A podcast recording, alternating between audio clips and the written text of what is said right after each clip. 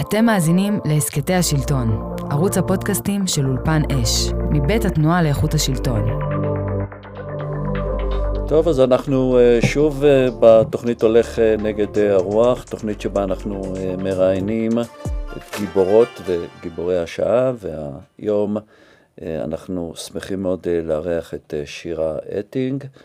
שירה היא טייסת מסוקי קרב, רב סרן במילואים, היא מנהלת אה, בקרן הון אה, סיכון. אני ככה ברשותך רוצה ככה לחזור אה, לתבנית נוף הולדותך. אני מבין שאת גדלה במודיעין, במכבים רעות. אולי תספרי קצת על... אז גדלתי בעצם מגיל שנתיים במכבים, בת בכורה לאבא שהוא טייס ואימא שהיא פסיכואנליטיקאית. יש לי עוד אח שכיום הוא, הוא רקדן ועובד בתחום האומנות במרכז סוזן דלל, ועוד אחות שהיא במסלול אה, הפסיכולוגי. אה, ובעצם אה, ילדות... איך זה שהגעתם למכבים ולא לרעות? כי כל הטייסים גרים נכון, ברעות. נכון, אבא שלי הוא בעצם לא היה בקבע, הוא השתחרר בגיל 25, והלך אחר כך גם עבד בהייטק, ו... וכזה, והיה לנו חברים ש, שהמליצו לנו לבוא לגור במכבים, אז אה, המליצו לנו בעצם ללכת לגור שם. אה, ילדות עם הרבה מאוד אה, טבע. גבעתי תורה. גבעתי תורה, גבעת הברושים, עוד לא הייתה מודיעין, מודיעין בעצם נבנתה כשהתחילה להיבנות כשהייתי בת תשע, עשר, אז כל הגבעות האלה היו בעצם ירוקות. Mm-hmm. וילדות גם מאוד גם מאוד אה, הישגית, זאת אומרת אה, עם אה, בית ככה ש, שמאוד מושך למעלה, אבל גם עם שני הורים מאוד מאוד שונים, אבא יותר על הצד האנליטי, אמא יותר על הצד הרגשי, שאני חושבת שזה, עד היום יש בי את... שילוב? שני, כן, את השילוב מה הזה. מה יותר? אני חושבת שיותר אנליטי בבסיס, עם ניסיון ככה להוסיף רגש, לפעמים טבעי ולפעמים במחשבתי להוסיף את הרגש הזה. אמ, ובית באמת, מה שההורים שלי עשו מאוד מאוד יפה, אני חושבת, זה לתת לכל אחד מאיתנו להיות מה שהוא משהו. רוצה להיות. אה, ובאמת התפתחנו במסלולים פחות טריוויאליים. אמ, מה עוד אני אגיד על הילדות? היית בצופים? בשבט אופק? הייתי בחוגי סיור. אה, בחוגי סיור. כן. כי לא קיבלו אותך לצופים? כי הייתי תמיד, אה, כי איכות סביבה האמת תמיד מאוד מאוד אה, עניינה אותי, והחיבור לטבע. אמ, כן, עד היום אני אסירת תודה לתקופה שלי בחוגי סיור, וזה גם אחר כך מה שהשפיע עליי לעשות תואר שני באיכות סביבה ומדעי האקלים, והיום ההשקעות שאני עושה בווינטג' אני מובילה את תחומי הבריאות והאקלים, אז ככה תחום של תשוקה מאוד גדולה. אוקיי, ואת לומדת בבית ספר מור? כן. מן הסתם? לומדת בתיכון במור, אמ, מחליטה ללכת לשנת שירות. ועוד לפני כן אה, למדת פיזיקה אצל איליה בטח? פיזיקה אצל איליה, אה, כמובן, שגם הוא זה ככה מורה שנחרט בזיכרון, אה, באמת חריג בנוף בהיבט המקצוענות והמצוינות שהוא דוחף אליה, גם אם היא לא תמיד נעימה, אבל, כן. אבל ממש מציב סטנדרטים גבוהים של לימודים. אז למדת פיזיקה ומתמטיקה? ו... מתמטיקה חמש, אנגלית שבע, ועשיתי פיזיקה ותיאטרון. זה היה ככה שילוב מעניין. וואלה, קטלני. כן. כן. אה, ובמקביל הייתי בחוגי סיור, הייתי בליד, שזו תנועה לפיתוח אה, מנהיגות צעירה. אה, של מוריס קאן. כן, של מוריס קאן. ומה היה הפרויקט שלך בליד? האמת שלא, בליד לא הצלחתי להוביל משהו בזמנו. זה גם היה ככה חוויה מהצוות של להיות מוקפת באנשים מאוד טובים, שחלקם מובילים פרויקטים מאוד... כנפיים של קרמבו צמח בליד, ועוד הרבה דברים לפעילות. אני חושבת שמה שליד עשתה, היא נטעה את uh, גרעין האחריות ב, בלב של הרבה מאוד uh, אנשים שנמצאים שם. איזה יופי. ואת הולכת לשנת שירות? הולכת לשנת שירות בכפר הנוער קנות. Um, אז היה צעד פחות טריוויאלי, זה היה יותר uh, הממלכה של הקיבוצניקים והמושבניקים, והצלחתי להשתחל פנימה. אמ, בעצם לתוך חוויה שהיא ניפוץ בועה קלאסי, אה, הבנה ש... אמ, שאני זכיתי וזוכה לתנאים שרבים בחברה הישראלית לא זוכים להם, שהמוביליות החברתית היא מאוד מאוד מוגבלת. פגשתי שם חבר'ה מאוד מוכשרים ש... שעם הזמן הבנתי שהם בעצם לא יצליחו להתפתח בחיים כי אין להם את הדלתות שפתוחות בפניהם כמו שפתוחות בפניי, למרות הכישרון שלהם והמוטיבציה שלהם. אז זאת הייתה שנה מאוד מטלטלת, אבל היא גם, היא גם נטעה בי איזשהו גרעין של, של הדאגה למוביליות חברתית והדאגה להעצמה של פריפריה גיאוגרפית וחברתית, וש, ועד כמה, כמה הדבר הזה הוא אחד האתגרים הכי גדולים שמדינת ישראל צריכה להתמודד איתם. ואז את מחליטה ללכת לקורס טיס, כי כן. אבא רצה? לא, לא כי אבא רצה. וזה למרות שלא גרת בבסיסים של חיל האוויר, נכון, אני מבין. לא גרתי בבסיסים. אבא שלי עשה מילואים עד גיל 40, אז כן חוויתי את זה. חווית בסיסים? כן, לא בצורה... פעם קופצים לטייס לאיזה כוננות, או איזשהו טקס טיסות או משהו כזה, אבל לא, לא, לא אינטנסיבי מדי, אבל כן כמודל לחיקוי זה היה מאוד מאוד משמעותי. וזה השתלב מאוד עם האמביציה שלי והרצון ככה להגיע למקומות הכי גבוהים בצבא שנשים יכולות להגיע אליהן, וגם החיבור של משהו אנליטי, משהו פיזי ושטח. אז, אז הייתי כבר בכושר קרבי בזמן התיכון. אה, וואלה. כן, שזה גם מאוד מומלץ, ככה אנחנו בטוח נדבר על שירות נשים, ככה גם נערות וגם נערים, הנושא של כושר קרבי מעבר לנושא הפיזי שהוא הבסיס של שירות צבאי קרבי, זה בעיקר בעיקר מפתח את המנטליות ועוזר להבין שהכל בראש, אז גם היה לי, הייתה לי תקופה משמעותית בכושר קרבי. היית שנתיים? עשית כושר קרבי? או שנה או שנתיים, אני כבר לא זוכרת.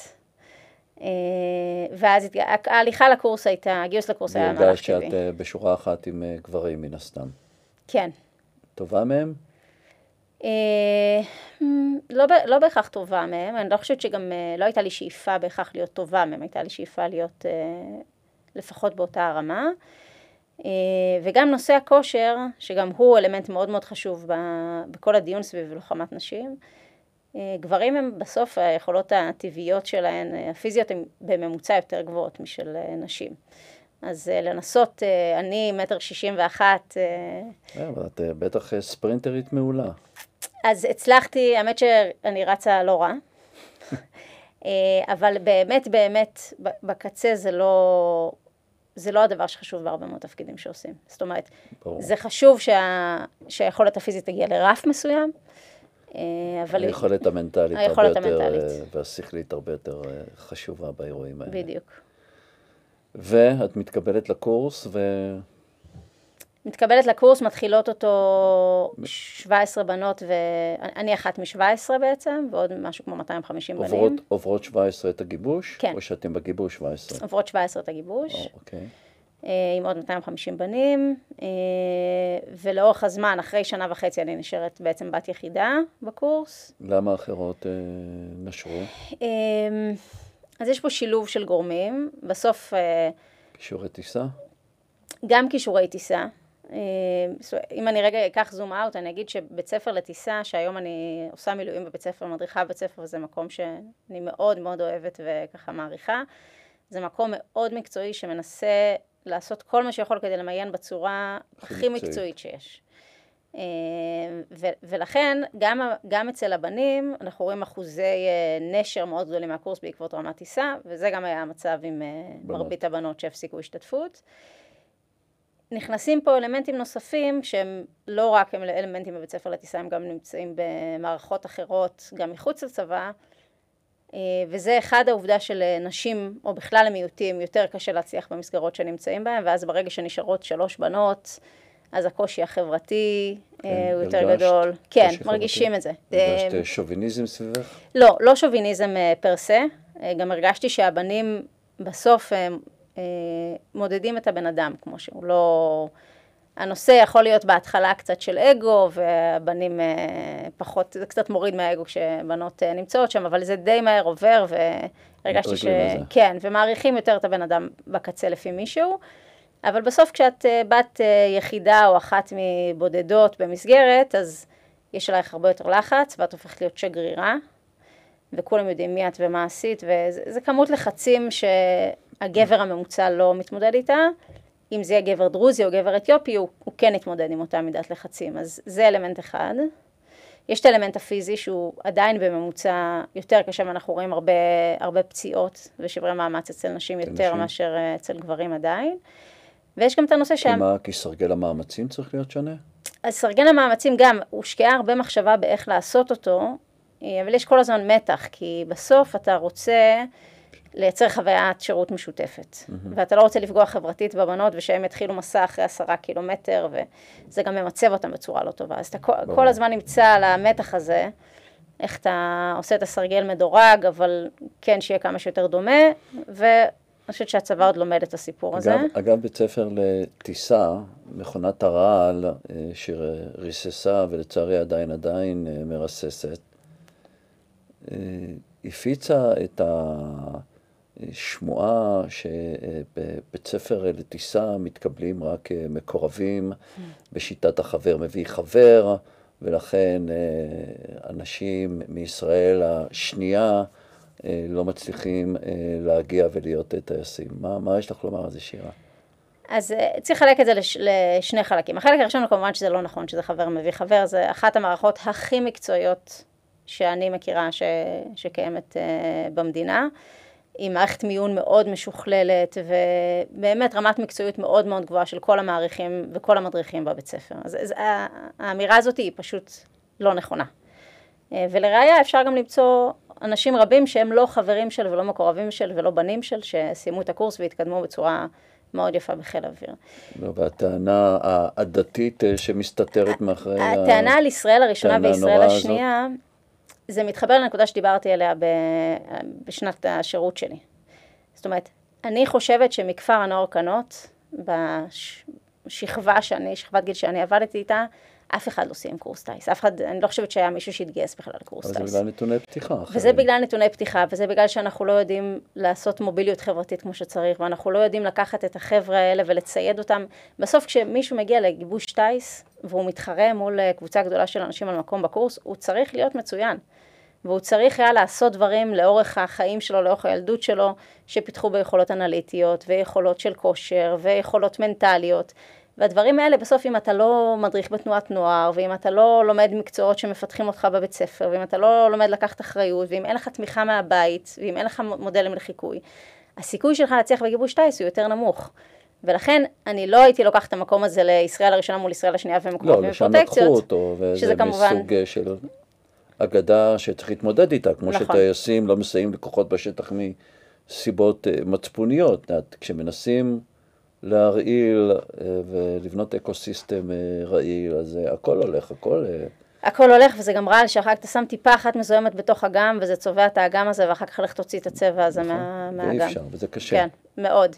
וחייבים להילחם בזה והרבה שנים חשבנו שהתעלמות מהרעל זה הדבר הנכון כדי בכלל לא להיכנס לדיאלוג הזה, וזו טעות, אסור לנו, ממש, אסור לנו להפקיר את הזירה התודעתית הזאת, אה, וזה, וזה מחויב במענה, וזה מחויב במענה מאוד מדויק ומאוד נכון, כולל גם אגב בערוצים משפטיים בחלק מהמקרים. צריך uh, לטעמך לעשות מה? איך חושב... להדוף את מכונת הרעל הזו? אז אה, זו שאלה מאוד מורכבת שרבים אה, רבים וטובים ממני ניסו ומנסים להתמודד איתה. אה, אני חושבת ש... ואין לי את כל התשובות, ואני חושבת שאנחנו עוד לא מספיק טובים בזה, והרבה משאבים צריכים ללכת לזה. המקום, הערוץ הראשון זה כמובן איזשהו ערוץ משפטי, שהדברים שהם באמת הוצאות דיבה ואלימות והסתה, זה דברים שבמשך שנים לא עשינו איתם כלום. זאת אומרת, בן אדם צריך לדעת שהוא לא יכול לרסס על המקלדת את מה שהוא רוצה, ושיש לזה מחירים.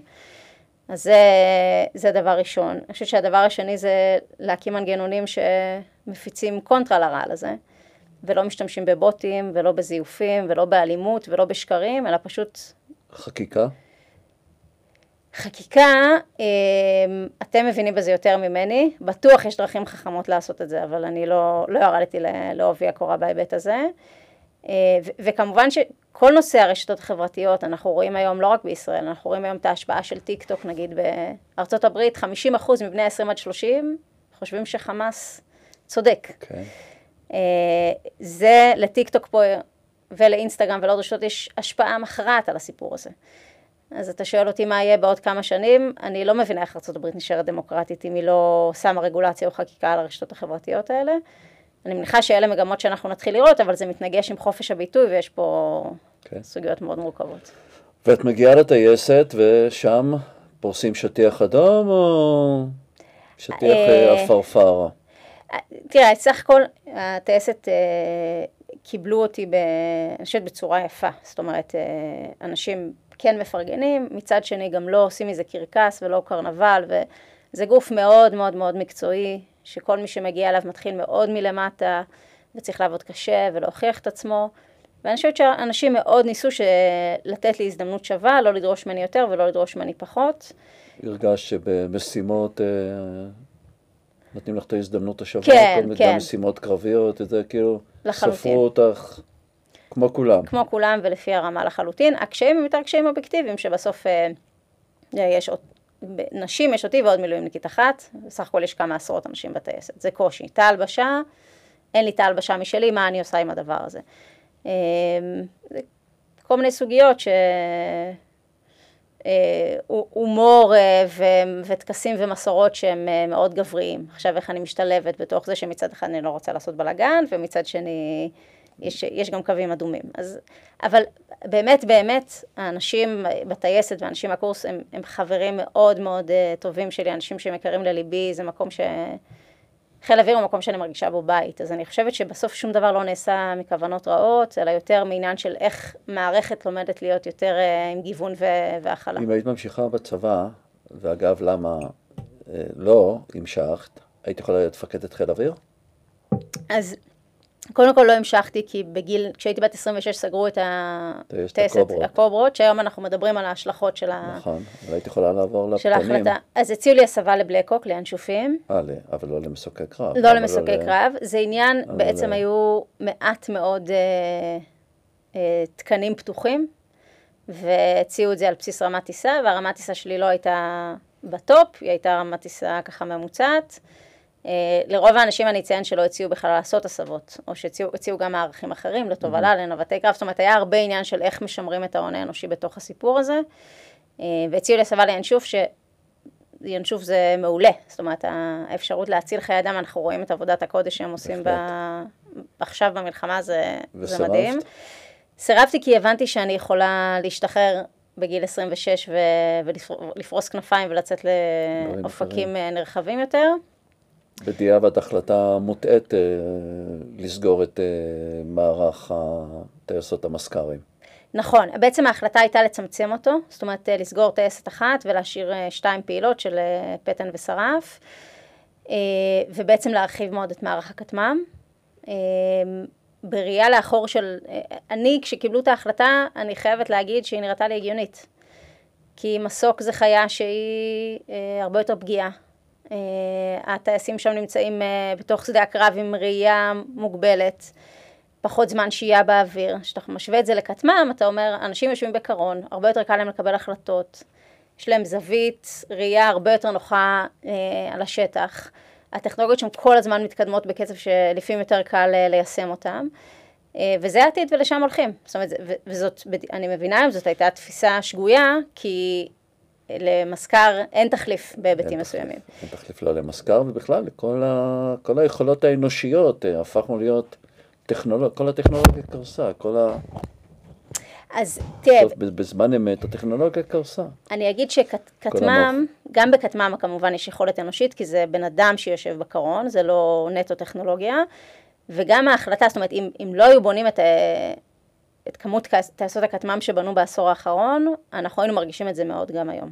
עכשיו, נורא קל, זה חלק מהשיח ששורר היום בציבור, נורא קל לשבת ולהאשים ולצעוק, ואיך, ודווקא במקום הזה אני רוצה להגיד, מהמקום הצנוע שלי, גם אני חשבתי שההחלטה לסגור את 160 הייתה החלטה הגיונית, והיום אני מבינה בדיעבד שזו הייתה טעות. אבל זה, לוקחת חוכמה של אחריות על בדיעבד. הטעות הזאת? אה, לא, אם, אה, לא היה לי שום say אה, בסיפור אבל בלי הזה. קשר, אני חוזר לשאלה המקורית. אישה יכולה להיות מפקדת חיל אוויר, לטעמך? לטעמי כן. זאת אומרת, שירה אטינג הייתה יכולה להיות? אה, יש, יש פה סיבוכיות אחרת, כי אף פעם לא... נגיד שרמת הטיסה הייתה כן, מעולה. אף פעם לא אוקיי. היה מח"ש שהוא טייס מסוקים בעצם. מה? אף פעם לא היה מח"ש שהוא טייס מסוקים, תמיד מחאות הם טייסי קרב. אה, שזאת שאלה שחיל האוויר צריך להתמודד איתה, האם, הוא, נכון. האם, זה, האם זה טעות או לא, האם חל- אה, מח"א היו יכול כבר להיות... מפקדי טייסות שהיו נווטים נכון. בחיל האוויר, אז גם הנווטים שתמיד היו גם זה משתנה. השלישית, גם הם השתדרגו עם השנים. וזה זה שינוי לא- מאוד מאוד חשוב, מה שקורה עם מעמד הנווט, ואנחנו יודעים שיש כבר מפקדי בסיסים שהיו טייסי מסוקים וטייסי תובלה ו... ונווטי קרב, אז זה, זה לחלוטין הגיוני. מח"א עוד לא היה טייס מסוקים, אה, אבל אתה שואל אותי האם אישה כיום שהיא טייסת קרב יכולה להיות מח"א? כן, ללא ספק. כן, זאת אומרת, הדלת פתוחה. לא יעמדו בפניה בגלל הנושא המגדרי שום מכשולים. זאת אומרת, ישפטו אותה כמו ששופטים גבר? ככה את מרגישה? אני, אני מרגישה שכן, אני אגיד שכן יעמדו בפניה מכשולים נוספים. לא כי יש למישהו כוונות רעות או כי חיל האוויר הוא שוביניסטי, אלא כי בסוף אישה שצריכה לעשות את המסלול הזה היום, היא עדיין מתמודדת עם אתגרים נוספים. דיברנו על הנושא החברתי שהוא יותר קשה. הקמת משפחה עדיין לנשים סביב נושא ההיריון, את הרגשת שזה פוגע בהקמת משפחה שלך? זאת אומרת, אם היית נשארת בחיל האוויר, היה פוגע בתא המשפחתי, בלגדל ילדים? ב... לא, אפשר להתמודד עם זה. יש לי- אפשר. אפשר, אפשר לחלוטין. זה יותר קשה, וזה דורש בן או בת זוג שהם קשובים ומבינים ומכילים ומוכנים להתפשר. זאת אומרת, זה, הבית צריך להתמודד עם הסוגיה הזאת אה, ביחד. אה, ויש גם... תגידי, לאישה בחיל האוויר יותר קל מלאישה בחילות השדה? אני לא מספיק יודעת, אז אני לא רוצה, אני לא רוצה לענות סתם ממקום של חוסר ידיעה. אנחנו כן רואים שיש נשים אגדיות, אה, ו- ואנחנו רואים את הגבורה שלהם ב- במלחמה הזאת. אני מניחה שיש משהו ב setup שהוא יכול להיות יותר קשה לאנשים, כי בסוף צריך להיות שבועות ארוכים מחוץ לבית כשנמצאים ב- בחילות שדה, לעומת בחיל אוויר שהדבר הזה הוא ככה... יותר קל. יותר קל. לינה בבסיס. נכון. וגם הנושא הפיזי בעצם, טייס בסוף זה לא מקצוע פיזי. בואי רגע נעזוב את הצבא ונעבור לעולם אחר. את אחרי שהשתחררת, אה, עבדת במשרד אה, הכלכלה, עבדת במקינזי, אה, ולמרות זאת החיידק הציבורי גרר אותך למכינת אה, בני ציון. נכון. ואני אני רוצה שתספרי מה, מה היו השיקולים, מה היו המניעים, למה זה לא צלח בסוף, אה, כל האירוע הזה, ואני אשאל עוד שאלה אחר כך. אוקיי. בסדר. אז מכינת בני ציון ההחלטה ללכת לשם, ואני אזכיר. אה, למי ששומע אותנו ולא זוכר, זו המכינה בעצם שאחראית על אה, אסון נחל צפית, שבו נהרגו אה, עשרה נערים ונערות, באחד האסונות הכי, האזרחיים הכי כואבים ומיותרים ש... שהיו פה. כשהייתי במקינזי, אני בעצם החלטתי לעזוב את מקינזי וללכת לשם, אה, הייתי אז במקינזי והרגשתי כבר חוסר, הרגשתי שאת הבית ספר שרציתי להשיג ממקינזי השגתי, ושאני רוצה... מה היית שם אנליסטית במקינזי? אה, כן, אסוסייט נקרא, אה, דרגה אחת אה, יותר מתקדמת, והרגשתי שאת כל האנרגיות שלי והכלים שצברתי עד אותו יום, אני יכולה להשקיע במקומות שבעצם יביאו אותנו ל... יגרמו לחברה שלנו להיות במקום יותר טוב מאשר להישאר במקינזי. אני גם אגיד שבמקינזי המודל הוא כזה שרוב האנשים עוזבים אחרי אה, משהו כמו שנתיים, אז זה היה, לא הייתי חריגה בהיבט הזה. אה, ואז הגיע אסון נחל צפית, שאני אני חושבת שהוא מסוג האירועים האלה בחברה הישראלית, שאתה זוכר איפה היית ברגע ששמעת על האסון ומה עבר לך בראש ו, ומה עשית, ואותי זה ממש ממש טלטל. האסון הזה, אה, גם כי הייתי מדריכה בחוגי סיור וכל הנושא של טיולים ושטח היה מאוד קרוב לליבי, גם כי עשיתי שנת שירות בעצמי, אז אני מבינה את החשיבות של השנה הזאת, הטרום הצבא, עד כמה היא משמעותית להתפתחות, mm-hmm. גם העברתי הרצאות במכינות קדם צבאיות על, על שירות נשים משמעותי. והייתה לי תחושה שבדיעבד אני מנתחת אותה כנאיבית מדי. שאת יכולה לשנות. שאני יכולה לשנות. נכון, ושאני יכולה להביא איתי דברים ש, שכרגע חסרים שם. אם זה עובדת היותי אישה. שמה זה חסם אותך? זה לא חסם, אבל זה, זה מערכת, עולם המכינות הקדם-צבאיות הוא עולם שהוא מאוד מאוד גברי. ואני חשבתי שכניסה של אישה למקום כזה, עם יותר רגש ואולי פחות מצ'ואיזם ופחות אגו, לא שאני מכלילה ואומרת שכל ראשי המכינות הם כאלה, אבל יכול לה, להביא איזושהי רוח חדשה. יחד עם מתודולוגיות של תחקור מחיל אוויר ויחד עם חשיבה אסטרטגית ממקינזי. זאת אומרת, הרגשתי שצברתי הרבה כלים לאורך הדרך. לא ש... רצית לעשות שם משהו חדש וזה לא הצליח. נכון. אוקיי. Okay. אמ, בדיעבד אני מבינה שהכאב, שה... השכול הוא היה כל כך משמעותי עמוק. ועמוק. אחת הטעויות הגדולות שלי בתפיסה או בניתוח הייתה שכמו שטייסת משתקמת אחרי אסון, ככה אפשר לשקם את המכינה. ולא הבנתי שבעצם צבא זה גוף שהוא מוחזק, מסודר, אין כמעט יחידות צבאיות שנסגרות בגלל אסון. גם ב-160 שאני הצטרפתי, שלושה חודשים אחרי שהצטרפתי, התרסק מסוק, נהרגו בו שני טייסים, אנחנו לא טסנו שלושה חודשים כי יצרנו לתחקר ולהפיק לקחים. ואז התחיל מבצע עופרת יצוקה. ואמרתי לעצמי, אפשר ליישם את אותו מודל באזרחות. זה האסון שנהרג עם מפקד מערך המסוקים? לא. אלוף... אה, אה, אלדר אתה מדבר? אלדר, לא, כן. אלדר היה... היה לפניי? היה קודם, כן, היה עוד לפני שהתגייסתי אה, לקורס. זה היה שי דנור ויובל אולטמן שנהרגו באסון הזה. ואני חשבתי ש, שאפשר לגשת למכינה ובעצם לעצור, לעשות. לתחקר ו, ולבנות איזשהו מודל מתוקן ש, שכולם לומדים ממנו, כי גם התפיסה הייתה, ש, ואני עדיין חושבת שזה המצב, שזה לא רק דבר אחד מוביל לאסון כזה, יש הרבה מאוד בעיות לאורך השרשרת ש, שדורשות תיקון, וזה גם לא היה רק במכינת בני ציון, זה היה בעוד מקומות. בעוד מכינות. כן. ואני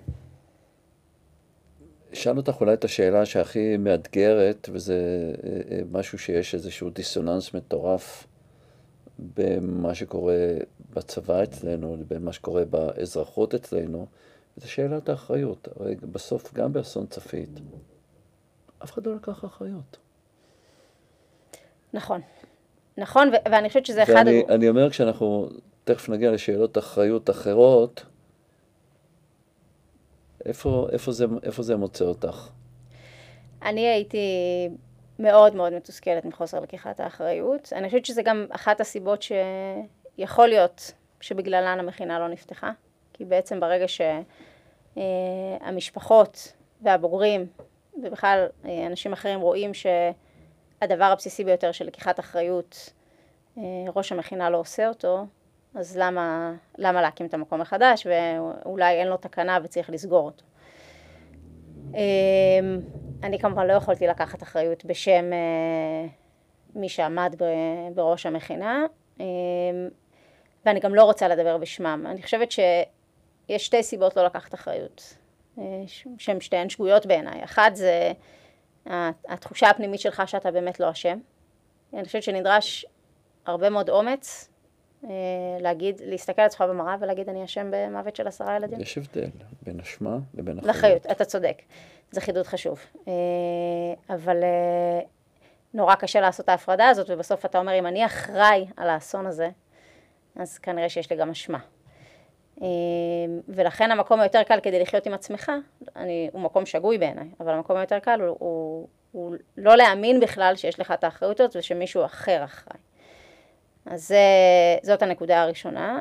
הסיבה השנייה זה, זה כל נושא הייעוץ המשפטי. זאת אומרת, היה שם ייעוץ משפטי מאוד מאוד חזק, שבאו לאותם אה, אה, חבר'ה בהנהלה ואמרו להם, אל, אל, אל תגידו שאתם אחראים, אתם פשוט תשבו יותר שנים בכלא. ואז עומד בן אדם ואומר, יש לי את המשפחה שלי שאני צריך לדאוג לה.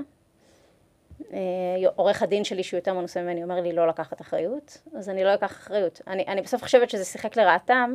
נכון, בסוף זה שיחק לרעתם. כן. כי בסוף הם גם קיבלו כתב אישום פלילי, בסוף הם גם uh, גמרו את עולמם הערכי. נכון. וזה מוביל אותנו לנשיאת אחריות בחברה בישראל. למה מצבנו כל כך רע לטעמך, שאף אחד לא לקח פה אחריות על כלום, שירה? קודם כל בצבא, כמו שאמרת, עדיין לוקחים אחריות, וזה איזושהי קרן אור, ואנחנו רואים גם אנשים בודדים שכן לוקחים אחריות.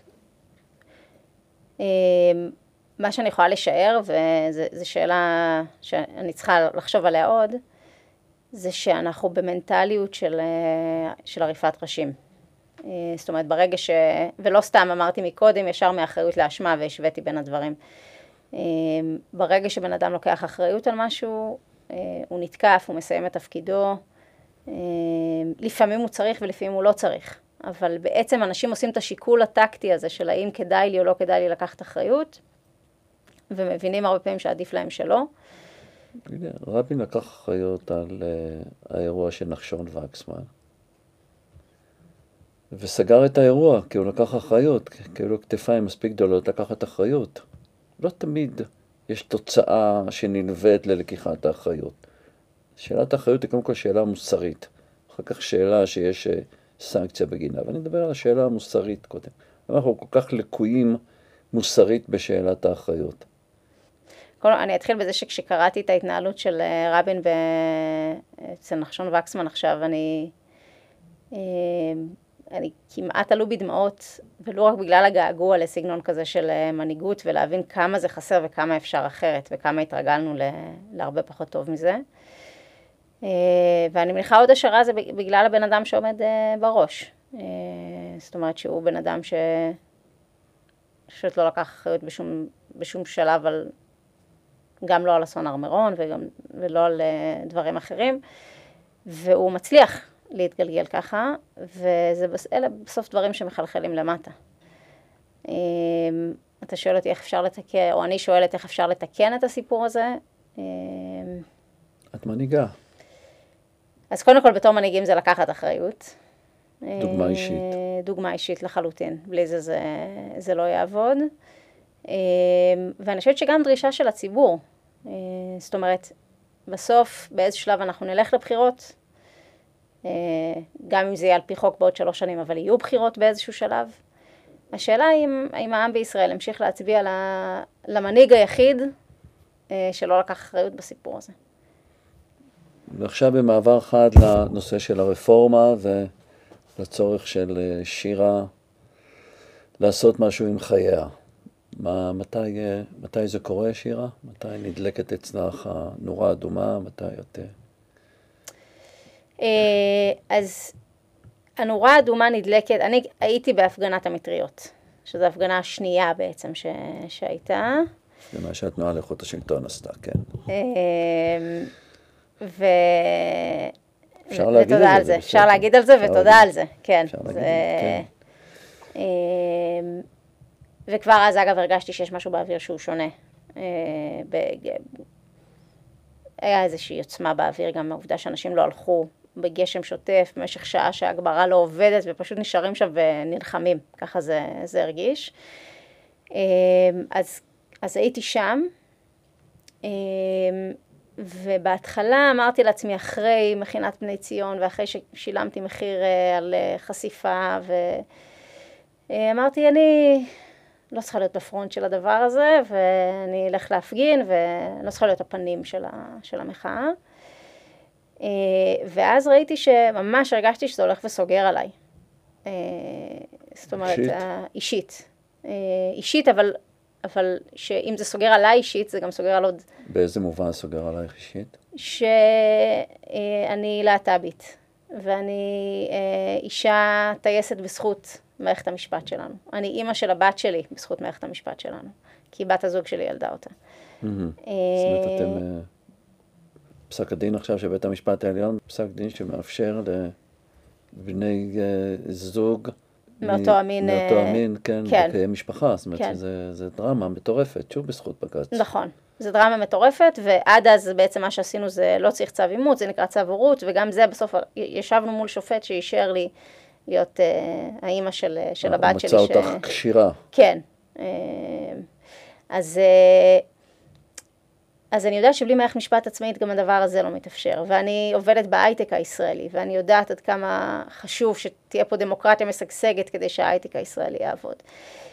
אז, אז פשוט הרגשתי איך כל החיים שלי יכולים להתמוטט. ממש, ממש ככה, ושאני לא יוצאת לאיזשהו מאבק אגואיסטי כי שירה רוצה ש... אלא שכל הלהט"בים בסכנה, וכל הנשים בסכנה, וכל הכלכלה בסכנה, ואוכלוסיות עצומות אה, נמצאות בסכנה מהסיפור הזה. וקיבלתי טלפון, אני חושבת שזה היה בפברואר, משהו כזה, אה, מאיזשהו טייס שאמר לי, יש הפגנה מול הבית של קיש, של האחים לנשק, אה, אולי תבואי להגיד כמה מילים, והיה לי מאוד קשה בהתחלה, עד שאמרתי לעצמי, יש לי חובה, אה, יש לי חובה מוסרית ללכת ו- ולדבר, ובאמת לקחתי שם את המגפון ודיברתי מדם ליבי, ומשם זה הלך והתגלגל.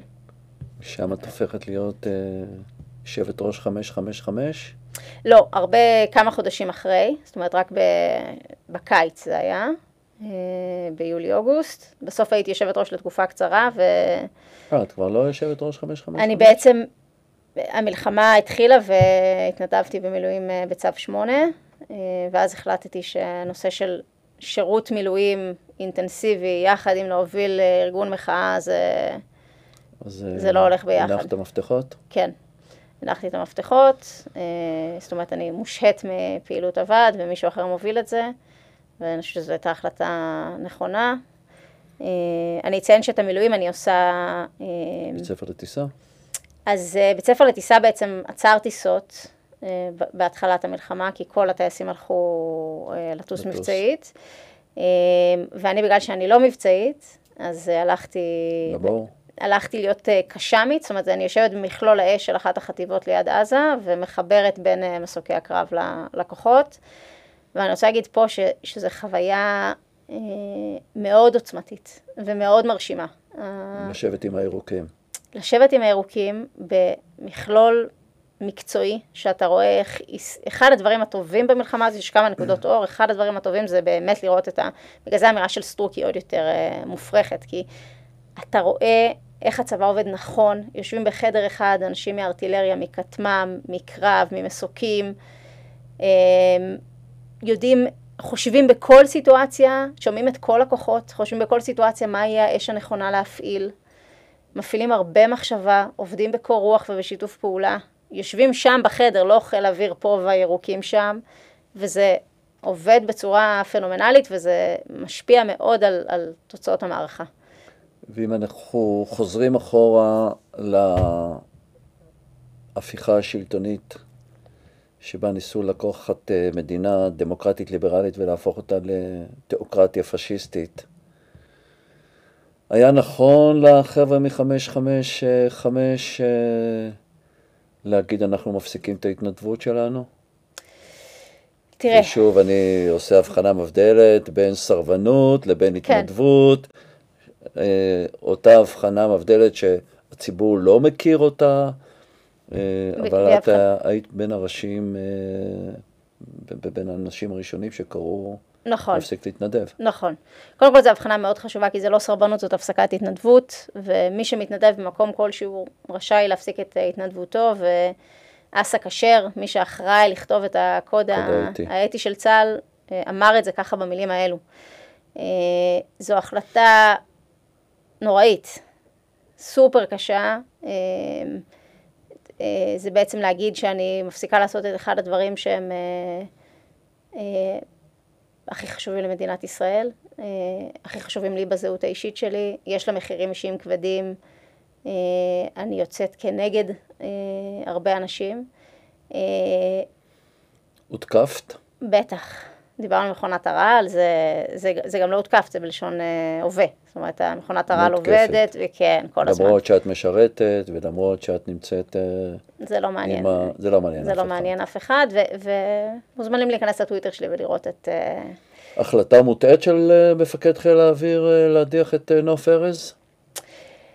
אז אני, אני רגע אענה קודם על השאלה הקודמת של האם okay. זו אוקיי. החלטה נכונה. תראה, אני חושבת שבסוף בקצה זו החלטה שהיא לא התקבלה ב-day one. היא התקבלה כשכבר, ש...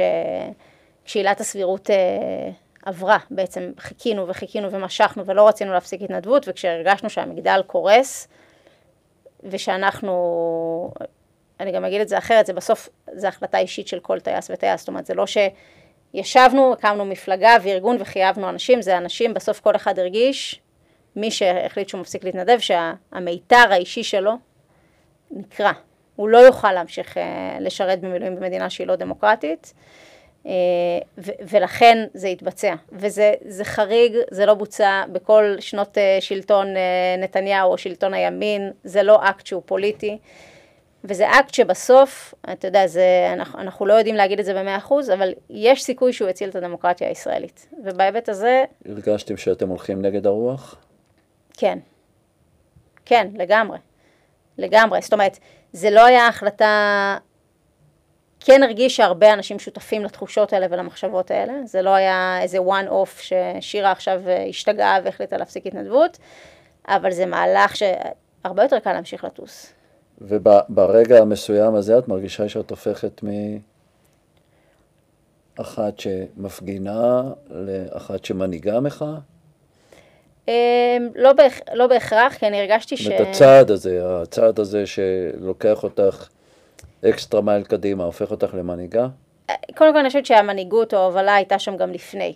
אה, כי אני חושבת שהיה... שלך. כן. אני חושבת שכל מי שהלך ועמד על במות ושם את עצמו, ואנשים, לא רק כמובן עמידה על במות, היה עשרות דרכים של להוביל אקטים מאוד משמעותיים במחאה הזו, ש... שמאות ואלפי אנשים עשו, אבל בהיבט האישי שלי, אני הרגשתי שאני הולכת ועומדת על במה, ושמה את עצמי, ומביאה את העקרונות שלי ואת החשיבה שלי ואת הערכים שלי, ואומרת, בואו אחריי ותיאבקו יחד, בכל מיני דרכים, זה כבר הובלה. אה, ומנהיגות שהיא מאוד מאוד חשובה, ואני גם מאוד מאוד הערכתי ועדיין מעריכה את אותם אה, אנשים שאמרו, אני במחאה, אבל אני ממשיך להתנדב למילואים.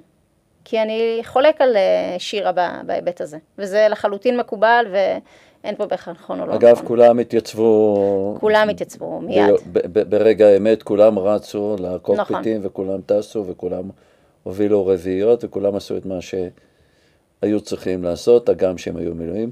דרך אגב, בכלל עכשיו רוצים להעלות את גיל הטיסה, ובכדי להמשיך נכון. ולהחזיר טייסים מהבית. אה, איך המהלך הזה התקבל לטעמך?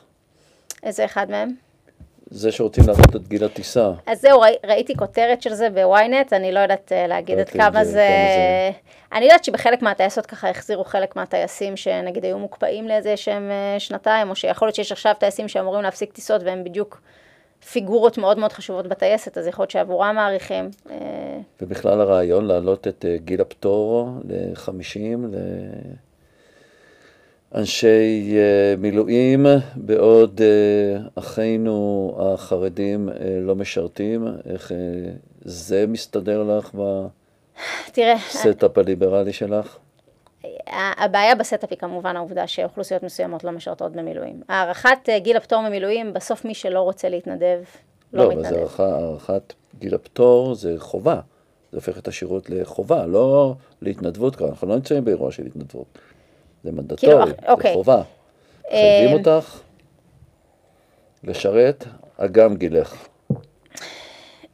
החיוב הזה עד גיל מאוחר, אה, מאוד בכנות, הוא פחות מפריע לי. גם כי אני חושבת שאנשים, אנחנו ראינו, היה 150 לא, אני, אני אומר אל את מול זה אל החרדים. מול אנשים שלא מתגייסים, שלא אומרת- משרתים פה את המדינה, ול- שלא נושאים בנטל. ולכן אני אומרת, הבעיה הגדולה היא, היא האוכלוסייה החרדית. אה, שזה, היא הייתה הבעיה עוד לפני שהתחילה המלחמה, נכון. וחוק הגיוס עמד לעבור, שזה בכלל היום מחפיר אה, כן, ומחמיר חוק, לב. חוק, חוק יסוד לימודי ליבה, כן, אה, לימודי, אה, לימודי תורה. תורה. זה, זה, זה עושה נזק ב, ברמות אדירות. אני חושבת שגם לאוכלוסייה החרדית. עכשיו, אפשר למצוא כל מיני דרכים יצירתיות לפתור את זה, אפשר שלא כולם יתגייסו לשירות צבאי, אפשר לעשות שירות אזרחי, ואפשר לראות איך עושים, ואגב, והשירות האזרחי הזה גם צריך להיות כנראה פתוח לחילונים, בלי לעשות את ההפרדה הזאת. אבל כל הנושא של לדחות את ההכרעות החשובות האלה של, שקשורות בחברה החרדית, שזה גם השירות הצבאי וזה גם נושא התעסוקה וזה גם נושא הקצבאות. אה, אנחנו בעצם, בעצם מדינת ישראל, אם אתה חושב על זה בשלושה עשורים האחרונים, אולי מלבד ההתנתקות והיציאה מלבנון, היא לא קיבלה הכרעות. באף סוגיה משמעותית, שזה קשור לנושא של הסכסוך הישראלי-פלסטיני, וזה קשור לאוכלוסייה הבדואית, ולאוכלוסייה החרדית, ולפערים חברתיים, באף סוגיה משמעותית לא קם מנהיג ואמר, אני עושה את הדבר הזה, כי זה הדבר הנכון לעתיד של מדינת ישראל, ואני לוקח על זה אחריות. ואפרופו לשאלת האחריות, ואת כל הנושאים אנחנו פשוט דחינו, ונתנו לספינה הזאת שנקראת מדינת ישראל להתגלגל בים, והאוכלוסייה החרדית, הטיפול באוכלוסייה החרדית, הוא ידרוש הכרעות מאוד מאוד גדולות, אחרת הכלכלה שלנו פשוט הולכת לקריסה. וכל הנושא של שוויון בנטל האזרחי, אפילו לא שוויון, חלוקה בנטל, אה, יכולה להיות פתיחת דלת מדהימה עבור האוכלוסייה החרדית אה, להשתלב אחר כך בתעסוקתית, להרגיש חלק מהמרקם החברתי של מדינת ישראל. זאת אומרת, זה ברור לי שהדבר הזה חייב לקרות. אנחנו חיים בחברה שיש בה אנשים כמונו לצורך העניין, שיש להם זכויות וחובות, יש אנשים אה, כמו החרדים שיש להם רק זכויות, יש אנשים כמו הדרוזים שיש להם רק חובות. זה, זה מצב, זה אקו סיסטם ש, ש, ש, שנראה לך, אה, אגב, בעיות האקלים בעולם, אקלים כזה זה אקלים שמאפשר אה, לחברה להמשיך ולהתקיים? זה, זה ברור שלא. או שאנחנו בסוף דרכנו, דרכנו כחברה? אני, אני משתדלת להיות אופטימית. אה, אני חושבת שמדינת ישראל בשעה אולטרה קשה, השביעי באוקטובר הוא פשוט מכה כל כך כואבת, שהיא גם אומרת ש... שמה שהיה הוא לא שיהיה, ויש לנו פה חתיכת משבר לנצל אותו כדי לצמוח ממנו, לא רק סביב נושאים צבאיים. ולכן, אתה שואל אותי האם זה סוף דרכה של מדינת ישראל?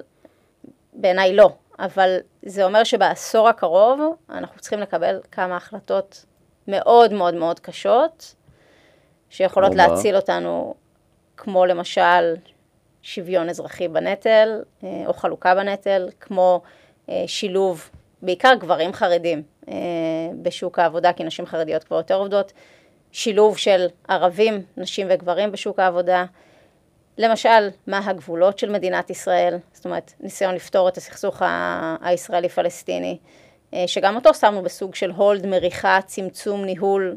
השביעי באוקטובר, לא משנה מה הדעות הפוליטיות ימין-שמאל, אנחנו מבינים שאי אפשר למרוח אותו, אנחנו צריכים להכריע לגבי מה אנחנו רוצים לעשות עם הדבר הזה.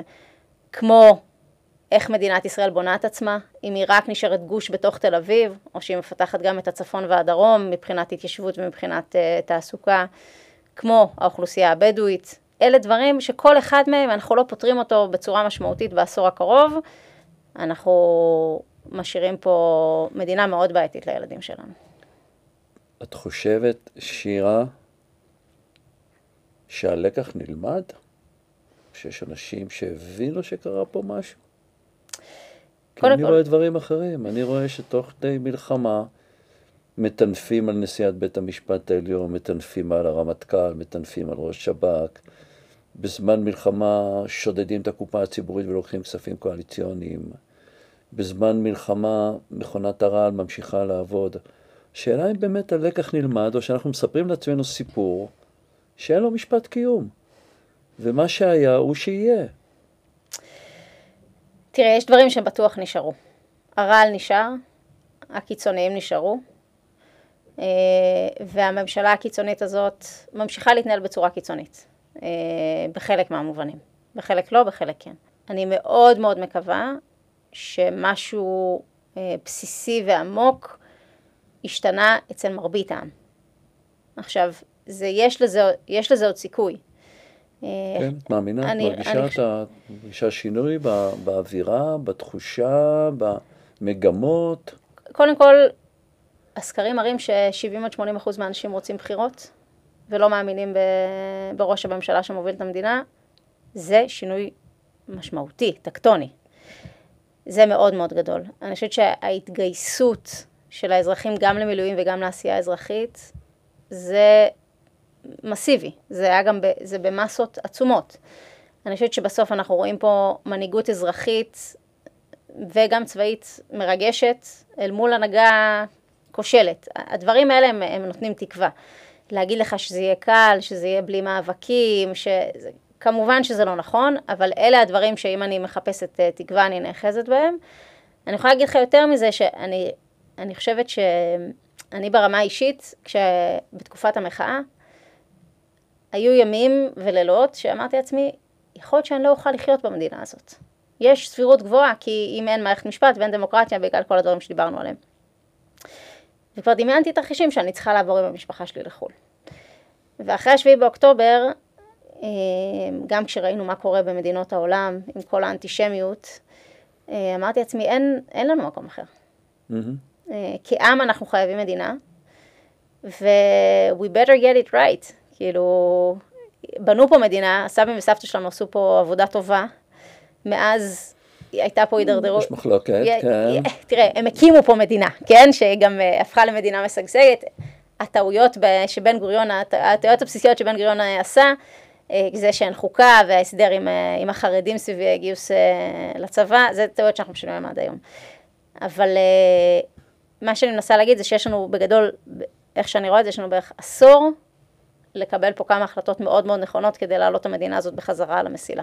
שירה, בתרחיש הפסימי, או לא יודע אם פסימי כמו שהוא יותר ריאלי, שהבלוק נשאר 64 ולא זז ולא לוקח אחריות ולא מתקן, ויש שלוש שנים אה, כואבות קדימה.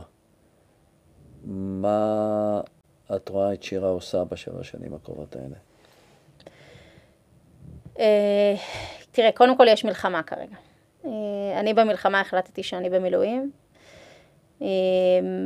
אני מקווה ש... שהמלחמה לא תימשך עוד המון זמן. אני כן חושבת שיש הישגים צבאיים מאוד חשובים שצריך להגיע אליהם, כי בסוף תושבי העוטף לא יכולים כרגע לחזור לגור בבתים שלהם, וגם לא תושבי הצפון.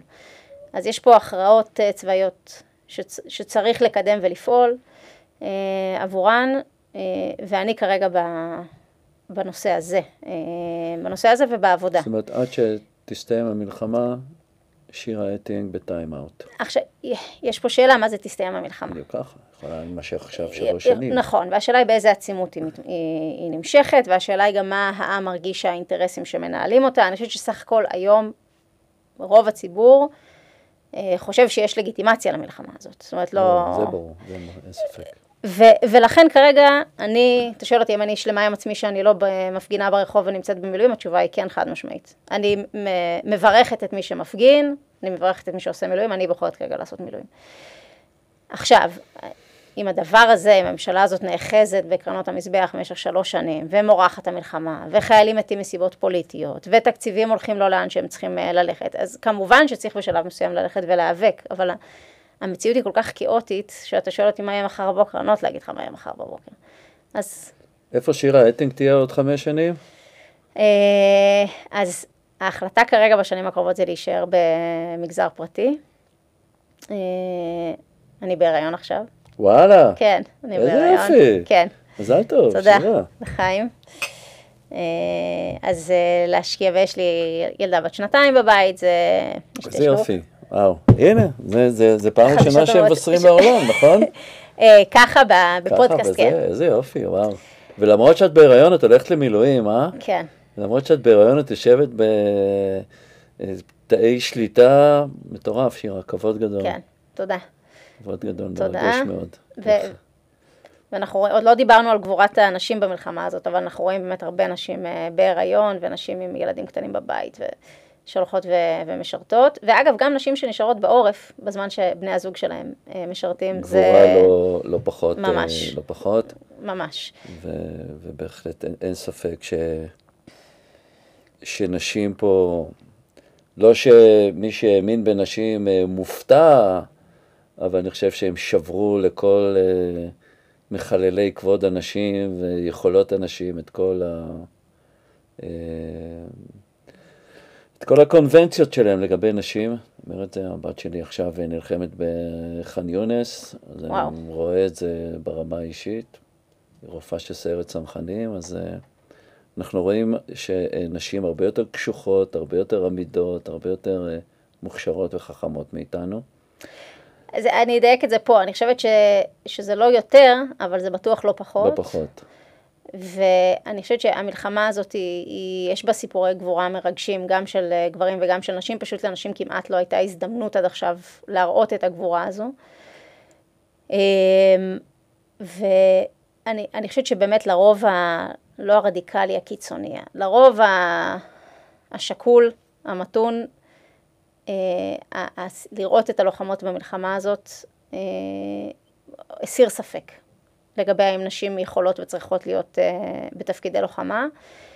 אני חושבת שצה"ל מבין את זה כבר בעצמו הרבה שנים, זאת אומרת צה"ל רוצה לשלב נשים, הוא מבין שהוא מגדיל את המאגר האנושי שלו והוא מגדיל את היכולות שלו וזה רק משרת אותו ש, שנשים ישרתו, אני חושבת שזה תקף באותה מידה גם לגבי חרדים אגב. כשברק דיבר על אה, צבא קטן וחכם הוא דיבר על צבא שכולו נשים, לא? בדיוק, בדיוק, אנחנו בדרך. אה, עוד אבל... חמש שנים אה, נוכל, נוכל לקרוא לך אה, שירה אטינג ראשת הממשלה?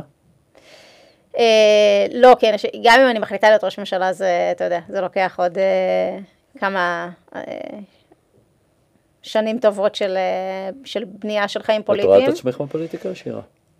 אני רואה את עצמי ב... יש בי את החיידק ש... שמרגיש אחריות למה שקורה במדינה. אה, ולצד זה אני בן אדם אה, רגיש, ש... אה, שלוקח אישית דברים, ו... והמחירים שאני אשלם הם, הם, הם כבדים, הם כבר עכשיו כבדים. ולכן יש פה שאלה. אני חושבת שבשנים הקרובות, וזו סוגיה שהתלבטתי לגביה, בשנים הקרובות יותר נכון לי ברמה האישית להיות... להשקיע בבית שאני בונה אה, ולהמשיך אה, בקרן שאני עובדת בה, אה, ושם אני אחראית על השקעות באקלים ובבריאות, שבעיית האקלים אגב היא... בעיה קשה מאוד. היא בעיה קשה מאוד, ויכול להיות שבעוד איקס שנים אני, אני אמצא את עצמי פוליטיקה. בפוליטיקה, כן. אני, אני חושבת שאנחנו חייבים שייכנסו אנשים טובים. מה את מאחלת לנו כעם אני מאחלת, קודם כל ש-2024 תהיה יותר טובה מ-2023 ככותרת. אה, אני מאחלת שאנחנו נדע לרדת מה, מהקצוות הקיצוניים ש... שנתלינו בהם ושמחנות מסוימים גררו אותנו אליהם. אה, ואני מאחלת לנו מנהיגות שהיא מנהיגות שלוקחת אחריות ושאכפת לה מהעם שלה ולא מעצמה. אה, ושיודעת לקבל החלטות קשות, ושאנחנו נבין שאנחנו כולנו בסוף, מרבית האנשים פה רוצים את אותם דברים. אז שיהיו לנו את המנהיגים שיקחו אותנו למקומות האלה. רב סרן במילואים שירה אטינג, אימא בהיריון, לוחמת, אשת הייטק, ריגשת אותנו, תודה רבה ש... והגעת, ובהחלט אה, נשמח לראות אותך אה, מנהלת את המדינה הזאת בעתיד.